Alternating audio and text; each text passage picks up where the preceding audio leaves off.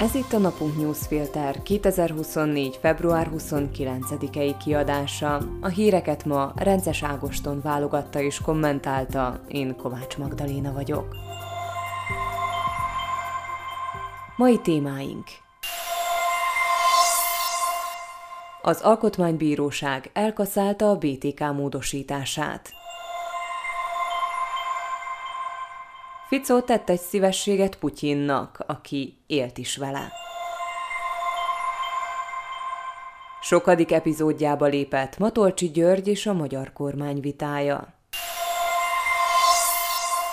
Bár Ficóék időhúzással és mindenféle manőverrel próbálták elodázni, szerda este az Alkotmánybíróság döntést hozott az igazságügyi törvénymódosítás csomaggal kapcsolatban. A döntés felfüggeszti a teljes BTK módosítás hatályba lépését, azaz az Alkotmánybíróság elkaszálta az elévülési idők rövidítését, a büntetési tételek csökkentését és az új káreseti értékhatárokat. Fontos megjegyezni, hogy az Alkotmánybíróság nem azt mondta ki, hogy ezek az intézkedések alkotmányellenesek, erről még nem született döntés, hanem azt, hogy nem léphetnek hatályba. A különleges ügyészséget megszüntető módosítást azonban nem függesztette fel az AB, így az március 20-án megszűnik. Fico elégedett, legalábbis azt mondja. Szerinte azzal, hogy az Alkotmánybíróság nem kaszálta el a különleges ügyészség megszüntetését, a gonosz és a gyűlölet táptalaja megszűnik létezni, és neki ez volt a fő célja és bár a Daniel Lipschitz vezette hivatalt Fico régóta az ellenségének tekintette, azt azért nehéz lenne elhinni, hogy tényleg elégedett lenne azzal, hogy a BTK mi embereink kedvező módosításait is leállította az Alkotmánybíróság. Az Alkotmánybíróságnak az indoklása az igazán sokat mondó. A bírák szerint ugyanis a következmények helyrehozhatatlanok lennének, a módosítások veszélyeztetnék az alapvető jogokat és szabadságot, és a jogállamiságon is csorbát ejtenének. Az ellenzék is örül, és az ő örömük valószínűleg őszintébb, mint Ficóé.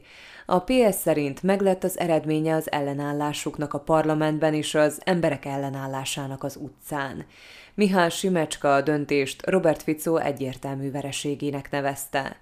Az SZL szerint az AB megmentette az igazságszolgáltatást. A KDH döntésben annak bizonyítékát látja, hogy Szlovákia még mindig jogállam.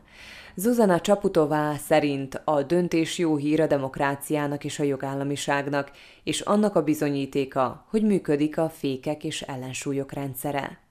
A döntést még a különleges ügyészség ügyészei is üdvözlik. A drasztikus változásokra nem kerül sor, arra meg maguk is számítottak, hogy az ő hivatalukat nem fogja megmenteni az alkotmánybíróság, mert hogy a hivatal létezésének nincs alkotmányos jelentősége. Hogy mi lesz most, Tudnak-e valamit tenni Ficóék azon túl, hogy miután ők maguk próbálták kiügyeskedni, hogy az AB ne tudjon döntést hozni a törvénycsomag hatályba lépése előtt, most füstölögnek, mert a döntésről hamarabb értesült az ellenségesnek minősített média, mint ők maguk. Az AB döntése akkor lép hatályba, amikor kihirdetik a törvénytárban. Erre az igazságügyi minisztériumnak 15 napja van. Ha a kormány ezt a döntést valahogy megpróbálja megkerülni, az az eddigieknél is durvább támadás lenne a demokráciával szemben. Ma nem egész két héttel az orosz elnökválasztás előtt évértékelőt tartott Vladimir Putyin. Hosszú beszédében rengeteg témát érintve arról is beszélt, hogy a NATO erők Oroszország elleni csapásra készülnek. Ez önmagában nem újdonság, hiszen Putyin az Ukrajna elleni háborúját azzal indokolja, hogy az válasz a nyugat fenyegetésére. Ezúttal azonban a ködös képzelgésekkel konkrétabb muníciót is kapott az állításához. Hétfőn beszélt arról Emmanuel Macron francia elnök, hogy az általa összehívott Párizsi tanácskozáson, amin több NATO tagország vezetője is részt vett, arról is szó volt, hogy ezek az országok katonákat küldenének Ukrajnába, és bár erről nincs konszenzus, nem lehet kizárni, hogy ez egyszer bekövetkezik. Macron újságírói kérdésre válaszolt.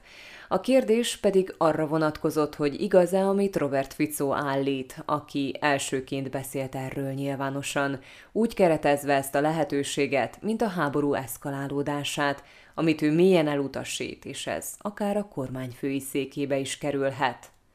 Azaz, ennek a nem a nyilvánosságnak szánt információnak az elsődleges forrása Ficó volt, aki azt egyszerűen világá kürtölte, Elsősorban azért, hogy itthon a híveit hergelje, és elterelje a figyelmet a hazai ügyekről, mint az igazságügyi törvénycsomag körüli kavarása.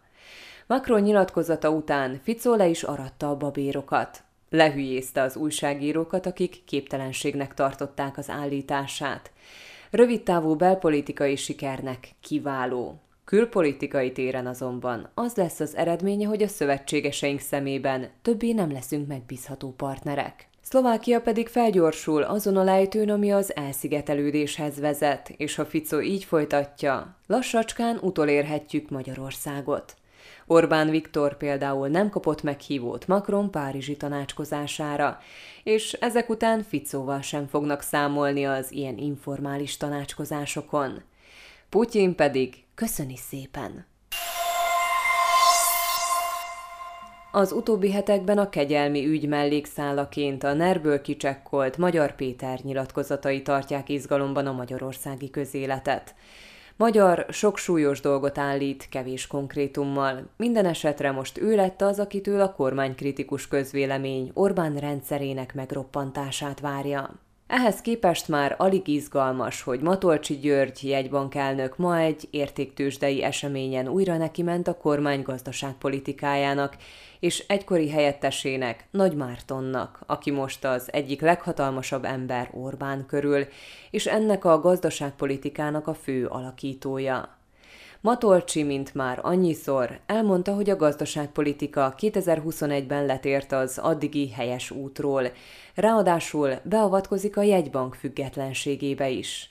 A jegybank elnök külön odaszólt Nagy Mártonnak is, akit szerinte azért kellett kitenniük a jegybankból, mert már akkor is jelentős szakmai hibákat vétett. Elfogadhatatlan volt a vezetési stílusa, és a jegybank működésével ellentétes működést is mutatott hogy Matolcsiból Orbánnak is elege lehet, az mutatja, hogy a kormányfő az évértékelőjén meg Matolcsinak szúrt oda, amikor azt mondta, a kormány segített a jegybanknak letörni az inflációt. Ami Egyszerűen nem igaz, mert Orbánék folyamatosan fűtötték volna a gazdaságot, hogy belendüljön a növekedés, ami meg pont felfele hajtja az inflációt. Nagy Márton nem hagyta szó nélkül Matolcsi beszólását. Elmondta, hogy hála Istennek, már nem Matolcsi a főnöke, hanem más, és Matolcsi egyébként is rosszul tudja, keveri a ciklikus rövidtávú elemeket a hosszú távú, fundamentális elemekkel. És 2024 a gazdasági növekedés helyreállításának az éve lesz. Az MNB és a kormány közötti feszültség régóta megvan, és akár egy súlyos törésvonalat is jelezhetne. De ez éretnerben ez mindössze egy kis színes, ami semmilyen veszélyt nem jelent a rendszerre, ahogy egyébként Magyar Péter sem. Hírek egy mondatban. Az állam erre az évre befagyaszthatja az állami alkalmazottak bérét. Az állami közigazgatás, a megyék, az önkormányzatok és az oktatásban dolgozók bére nem fog nőni ebben az évben a tervek szerint, amivel a pénzügyminisztérium 56 millió eurót spórolna meg.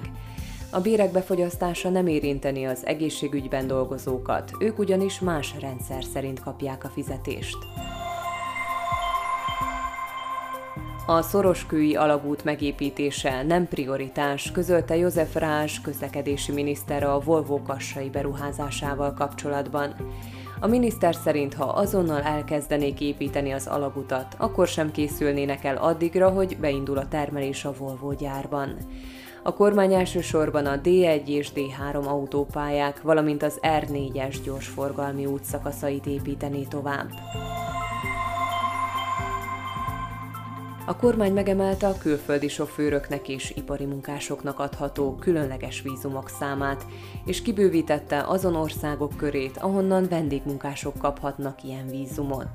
Idén a buszsofőröknek adható vízumok száma 200-ról 2000-re, a kamionsofőröknek adható 2000-ről 5000-re, az iparban dolgozóknak adható különleges vízumok száma 2000-ről 10.000-re nő. Az Európai Bizottság formálisan felszabadított 137 milliárd euró visszatartott forrást Lengyelország számára. A forrásokat az EU a jogállamisági aggályok miatt tartotta vissza, az őszi választáson azonban az uniós politikába beágyazódott, és az EU-val jó viszonyt ápoló Donald Tusk vezette koalíció győzött.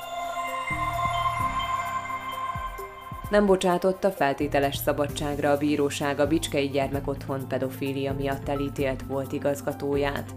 Az ítélet szerint a büntetése kétharmadának letöltése után lett volna erre lehetősége, a bíróság azonban ezt nem látta indokoltnak. A tetteit eltussoló bűntársának adott elnöki kegyelembe bukott bele Novák Katalin államfő. Orbán Viktor jövő hét pénteken találkozik Floridában Donald Trumpal. A magyar kormányfő Trump győzelmében bízik az idei elnökválasztáson, az amerikai ex-elnök pedig többször is méltatta Orbánt. Az nincs tervben, hogy a magyar kormányfő Joe Biden jelenlegi elnökkel is találkozna. Az oroszok csak nem 60%-a nem tudja megmondani, milyen célokat ért el Putyin a két éve tartó ukrajnai háborúban. Ugyanakkor 68%-uk szerint Oroszország a helyes irányba tart, 56%-uk pedig sikeresnek tartja az Ukrajna elleni háborút. A mai napunk newsfilter híreit válogatta és kommentálta Rences Ágoston. Én Kovács Magdaléna vagyok, a Viszonthallásra holnap.